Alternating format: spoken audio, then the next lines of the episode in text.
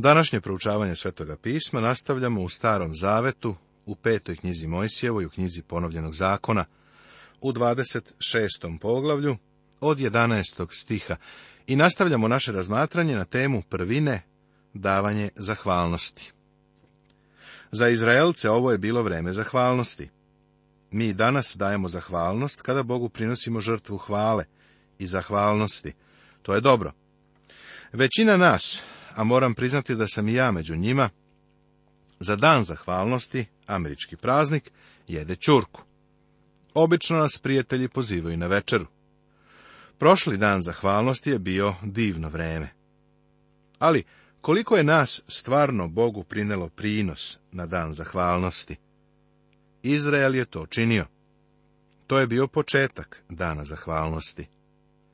Ako se vraćamo unazad i gledamo hodočasnike i puritance, iz njihovih siromašnih izvora vidjet ćemo da su i oni prinosili Bogu prinose toga dana, kada su se iselili iz Europe. Divno je što Bogu dajemo zahvalnost usnama, ali bi trebalo i da to podržimo novčanikom. Slavljenje i novčanik idu zajedno u Božjoj reči. Drugi deo ovog poglavlja bavi se izraelskom objavom poslušnosti Bogu. A kada daš sve desetke od dohodaka svojih treće godine, koje je godina desetka, i daš levitu, došljaku, siroti i udovici da jedu u mestima tvojim i nasite se, onda reci pred gospodom Bogom svojim, iznesoh iz doma svojega što je sveto i dadoh levitu i došljaku, siroti i udovici sasvim po zapovesti koju si mi zapovedio. Ne prestupih zapovesti tvojih, niti zaboravih. Ako Izrael bude držao ove Božje zapovesti, Bog obećava da će od njih načiniti poseban narod i da će ih uzdignuti iznad svih naroda na zemlji. Poglavlje 27. Tema Budućnost zemlje na putu ka neposlušnosti. Sada dolazimo do jednog od najvažnijih delova u petoj knjizi Mojsijevoj. Ovo je treći Mojsijev govor. On pripada sljedećem velikom delu knjige, koji je posvećen budućnosti zemlje. To je treći veliki deo u knjizi i obuhvata poglavlja od 27. do 30. U njemu ćemo pronaći takozvani palestinski savez, koji je Bog uspostavio sa izraelskim narodom. Petu knjigu Mojsijevu od 28 do 30. poglavlja nazvao sam drevna istorija ili istorija koja se prenosila putem predanja Izraela, koja se odnosi na vreme pre nego što su ušli u obećanu zemlju. Deo iz pete knjige Mojsijeve od 29. poglavlja zaključno sa 10. stihom 30. poglavlja jeste Palestinski savez.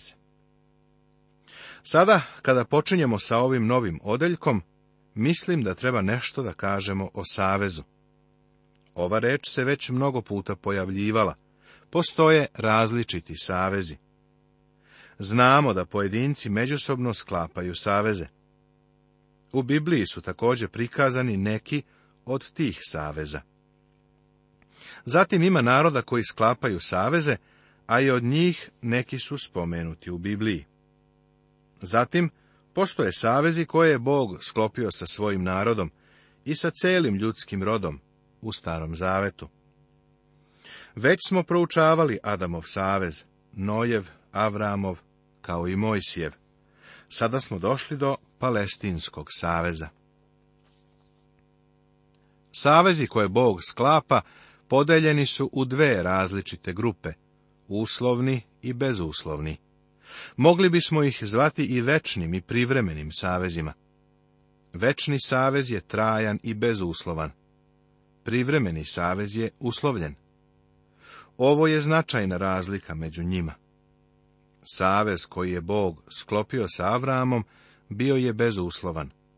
Savez koji je Bog sklopio sa Mojsijem, deset zapovesti, bio je uslovljen ili uslovan. A sada ako dobro uzaslušate glas moj i uščuvate zavet moj, tada bit ćete moje blago mimo sve narode, premda je moja sva zemlja, kaže se u drugoj knjizi Mojsijevu i 19. poglavlju, u petom stihu. Palestinski savez koji je Bog sklopio u ovim poglavljima koja ćemo sada proučavati, jeste bezuslovan savez. Ovaj savez odnosi se na budućnost Izrela uviđamo da izraelski narod stoji na istočnoj obali reke Jordan. Spremaju se da uđu u zemlju. Ovo je nova generacija ljudi.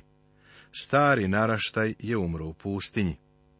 Mojsije neće ući u tu zemlju. Vidjet ćemo da se ova knjiga završava rekvijemom za Mojsija. On umire, ali ljudi ulaze u zemlju sa novim vođom. Ovaj deo je proročki i odnosi se na budućnost u zemlji u koju samo što nisu ušli. Ovde nalazimo neke od najistaknutijih i najdivnijih proroštava u celoj Božjoj reči. I zapovedi Mojsije sa starešinama Izraeljevim narodu govoreći.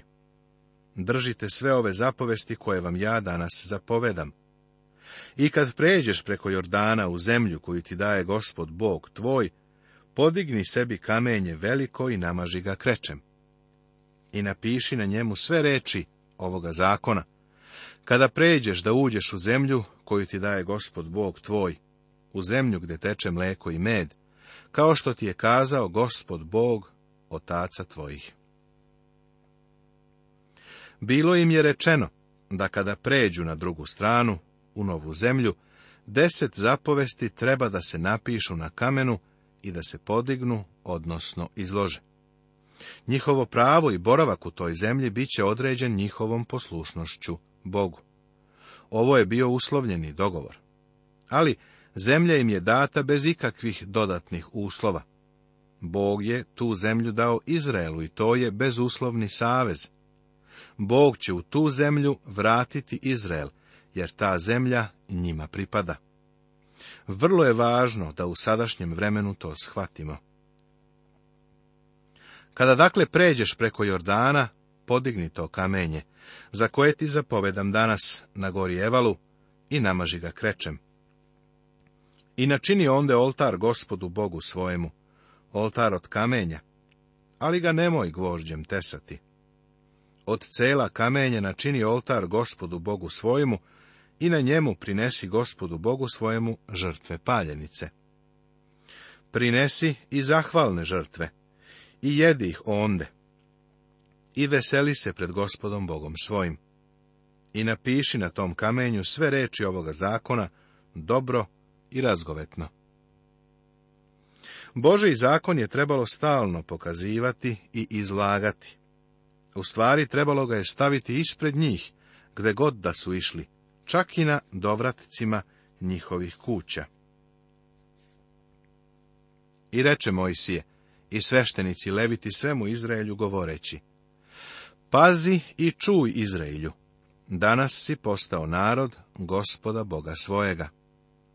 Zato slušaj glas gospoda Boga svojega i tvori zapovesti njegove i uredbe njegove, koje ti ja danas zapovedam i zapovedi Mojsije u onaj dan narodu govoreći. Ovi neka stanu da blagosiljaju narod na gori Garizinu, kad pređete preko Jordana. Simeun, Levije, Juda, Isahar, Josifi, Venijamin. Kada uđu u obećanu zemlju, sa planine Garizin, treba da blagoslove narod. Spomenju se plemena koja će blagosiljati a ovi neka stanu da proklinju na gori Evalu, Ruvim, Gad, Asir, Zavulon, Dan i Neftalim. Plemena koja su zadužena da prokunu, treba da odu preko do gore Eval. Ove planine se nalaze u oblasti u kojoj je žena Samarijanka bila na izvoru. Taj izvor tamo i danas stoji. Blagosiljano je sa planine Garizim, a kleto je sa gore Eval. Sada se navodi spisak prokletstava. Kada uđu u zemlju, njihovo pravo i boravak u zemlji su pod jednim uslovom. Možemo reći da svaka generacija ljudi predstavlja zakupce i da oni moraju da plate rentu ili zakupninu. Bog je zemljoposednik, a zakupnina je poslušnost Bogu. Međutim, ovaj narod je i više od zakupca, jer je Bog Izraelu dao tu zemlju u večno vlasništvo. Međutim, onda kada jedan naraštaj ljudi više ne bude hteo da sluša Boga, taj naraštaj će biti isteran iz zemlje, iako zemlja ostaje njihovo večno nasledstvo. Iz ovog razloga je taj deo zemljišnog poseda najosjetljivija tačka na zemaljskoj kugli. Mnogi ljudi veruju da i sada postoji opasnost od izbijanja rata radi svega onoga što se dešava u toj zemlji. I ovo je svakako istina. Ovde je dato dvanaest prokletstava. Neću ih detaljno prikazivati, jer sama sebi predstavljaju objašnjenje. Proklet da je čovek koji bi načinio lik rezan ili liven, stvar gadnu pred gospodom, delo ruku umetničkih, ako bi i na skrivenu mestu metnuo. A sav narod odgovarajući neka reče amin. Ovo se odnosi na prve dve Božije zapovesti proklet da je koji bi ružio oca svojega ili mater svoju. A sav narod neka reče, amin. Ovo se bavi petom Božijom zapovešću. Proklet da je koji ne bi ostao na rečima ovoga zakona i tvorio ih, a sav narod neka reče amin. Dok budeš čitao sve ove stihove u ovom poglavlju, videćeš da se odnose na kršenje deset zapovesti. Poglavlje 28. Tema Drevna istorija Izraela. Istorija prenošena predanjem. U ovom poglavlju se nastavlja deo koji se odnosi na budućnost Izraela. Mojsije objavljuje uslovni ili uslovljeni deo saveza. Izraelski narod će biti blagosloven jedino ako bude poslušan Bogu njihova neposlušnost će doneti prokletstvo, koje im se tu izriče. Zatim imamo jedan od najdivnijih odeljaka u Svetom pismu, koji nam govori o njihovoj drevnoj istoriji u zemlji, pre nego što su uopšte stupili u nju. Postoje tri proroštva o otimanju zemlje. Sva tri su se ispunila. Postoje i tri proroštva o njihovoj obnovi. Dva su se ispunila. Treći povratak Izraela u zemlju još uvek predstavlja budućnost. Ako dobro uzaslušaš glas gospoda Boga svojega, držeći i tvoreći sve zapovesti njegove, koje ti ja danas zapovedam, uzvisit će te gospod Bog tvoj više svih naroda na zemlji. I doći će na te svi ovi blagoslovi i steći će ti se, ako uzaslušaš glas gospoda Boga svojega. Ako dobro uzaslušaš glas, obrati pažnju na to veliko ako. Ovo je deo saveza koji postavlja uslov. Narod će ti biti blagosloven ako bude poslušan Bogu. Blagosloven ćeš biti u gradu, a blagosloven ćeš biti u polju. Blagosloven će biti plod utrobe tvoje, i plod zemlje tvoje, i plod stoke tvoje, mlad goveda tvojih i stada ovaca tvojih. Blagoslovena će biti kotarica tvoja i načve tvoje. Blagosloven ćeš biti kad dolaziš i blagosloven ćeš biti kada polaziš. Dok ovo čitaš, verovatno te pogađa činjenica da ima dvanaest prokletstava, a samo šest blagoslova. Ako bi voleo da saznaš zašto je to tako, reći ću ti gde sabiramo ostatak blagoslova. Gospod je stajao na gori, i izrekao je ono što nazivamo propoved na gori. Kako je počeo tu propoved? Blaženi su siromašni duhom, jer je njihovo carstvo nebesko, kaže Evanđelje po Mateju peto poglavlje, treći stih, a onda slede i ostala blaženstva. Ovakav početak poruke je obrazovanog Izraelca posticao da sluša. Slušao je o blagoslovima koji će nastupiti čak i nakon njihove duge promenljive istorije. U to vreme oni su već dva puta doživjeli porobljavanje, a spremalo im se i treće ropstvo, koje će ih rasuti po celoj zemlji. Ako budu poslušni, daje im se obećanje o obilnim blagoslovima. I učinit će te gospod Bog tvoj, da si glava, a ne rep, i bit ćeš samo gore, a nećeš biti dole, ako uzaslušaš zapovesti gospoda Boga svojega, koje ti danas ja zapovedam, da ih držiš i tvoriš, i ne odstupiš ni od jedne reči koju vam ja danas zapovedam, ni nadesno, ni nalevo, pristajući za drugim bogovima, da im služiš. Neposlušnost će doneti kaznu. Sada se vraća prokledstvima i spominje, da svi oni zavise od onoga ako. Ali, ako ne uzaslušaš glasa gospoda Boga svojega da držiš i tvoriš sve zapovesti njegove, u uredbe njegove, koje ti ja danas zapovedam, doći će na tebe sve ove kletve i stignuće te. Ponovo vidimo da je ovo uslovljeno.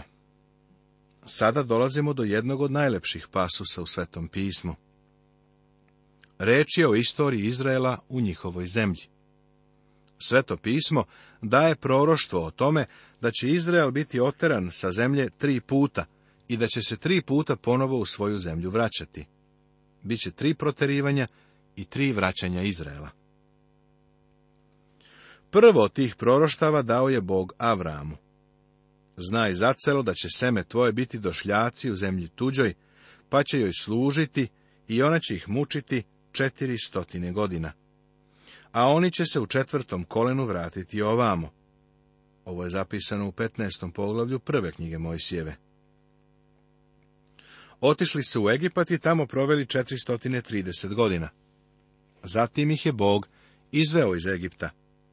Te događaje sada pratimo u petoj knjizi Mojsijevoj. Narod se nalazi na istočnoj obali reke Jordan i Bog ih dovodi u zemlju na prvo ponovno okupljanje.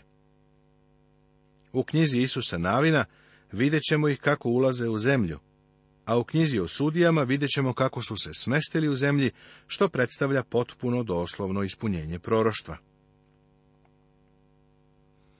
Pre nego što su ušli u obećenu zemlju, spominje se njihovo drugo isterivanje iz te zemlje. Ovo je izvanredno poglavlje. Sinovi tvoji i kćeri tvoje daće se drugom narodu, a oči će tvoje gledati i kapa će jednako za njima, i neće biti snage u ruci tvojoj. Rod zemlje tvoje i svu muku tvoju izješće narod, koga ne znaš, i činit će ti krivu i gazit će te jednako. I polude ćeš od onoga što ćeš gledati svojim očima. Ovaj stih se potpuno ispunio za vrijeme judinog posljednjeg cara Sedekije, čiji su sinovi pred njim pogubljeni a zatim su njemu iskopane oči. Slep i bespomoćan, odveden je u vavilonsko ropstvo. Udarit će te gospod prištem zlim u kolenima i na golenima, da se nećeš moći isceliti od stopala noge tvoje do temena. Odvešće gospod tebe i cara tvojega, kojega postaviš nad sobom, u narod kojega nisi znao ti ni stari tvoj i onda će služiti drugim bogovima drvetu i kamenu i bit ćeš čudo i priče i podsmeh svim narodima u koje te odvede gospod. Ovo se odnosi na vavilonsko ropstvo, koje je sada istorijska tema. O tome imamo beleški. U našem daljem proučavanju Biblije više ćemo govoriti o proroštima koja se na to odnose i tada ćemo vidjeti da se i u carevima i u dnevniku to zaista ispunilo. Zašto im se sve to dešavalo? zbog njihove neposlušnosti. Bog im je dao ako. Bog je rekao, ako vi budete slušali, bit ćete blagosloveni. Ako ne budete slušali, bit ćete oterani iz zemlje. Izrael se ponovo sabrao posle Vavilonskog carstva. Njihov povratak u zemlju zabeležen je u jezdrinoj i nemijinoj knjizi. Proroci Zahe i Zaharija i Miheja govore o njihovom povratku u zemlju. Tako, ovo je drugo proroštvo o njihovom povratku u zemlju. I ono se u potpunosti doslovno ispunilo. Treće rasejanje bilo je posljedica pobede Rima. I ovo je proročki opisano. I služit ćeš neprijatelju svojemu, kojega će gospod poslati na tebe u gladi i žeđi, u golotinji i u svakoj oskudici, i metnuće ti gvozden jaram na vrat, dokle te ne satre. U mojoj kancelariji imam dva toma istorije Josifa Flavija, u kojoj on govori o dolasku Rimljana, koje je predvodio Tit. Rim, poznat kao gvozdeno carstvo, je ispunio proroštvo. Metnuće ti gvozden jaram na vrat. Nastavit će se.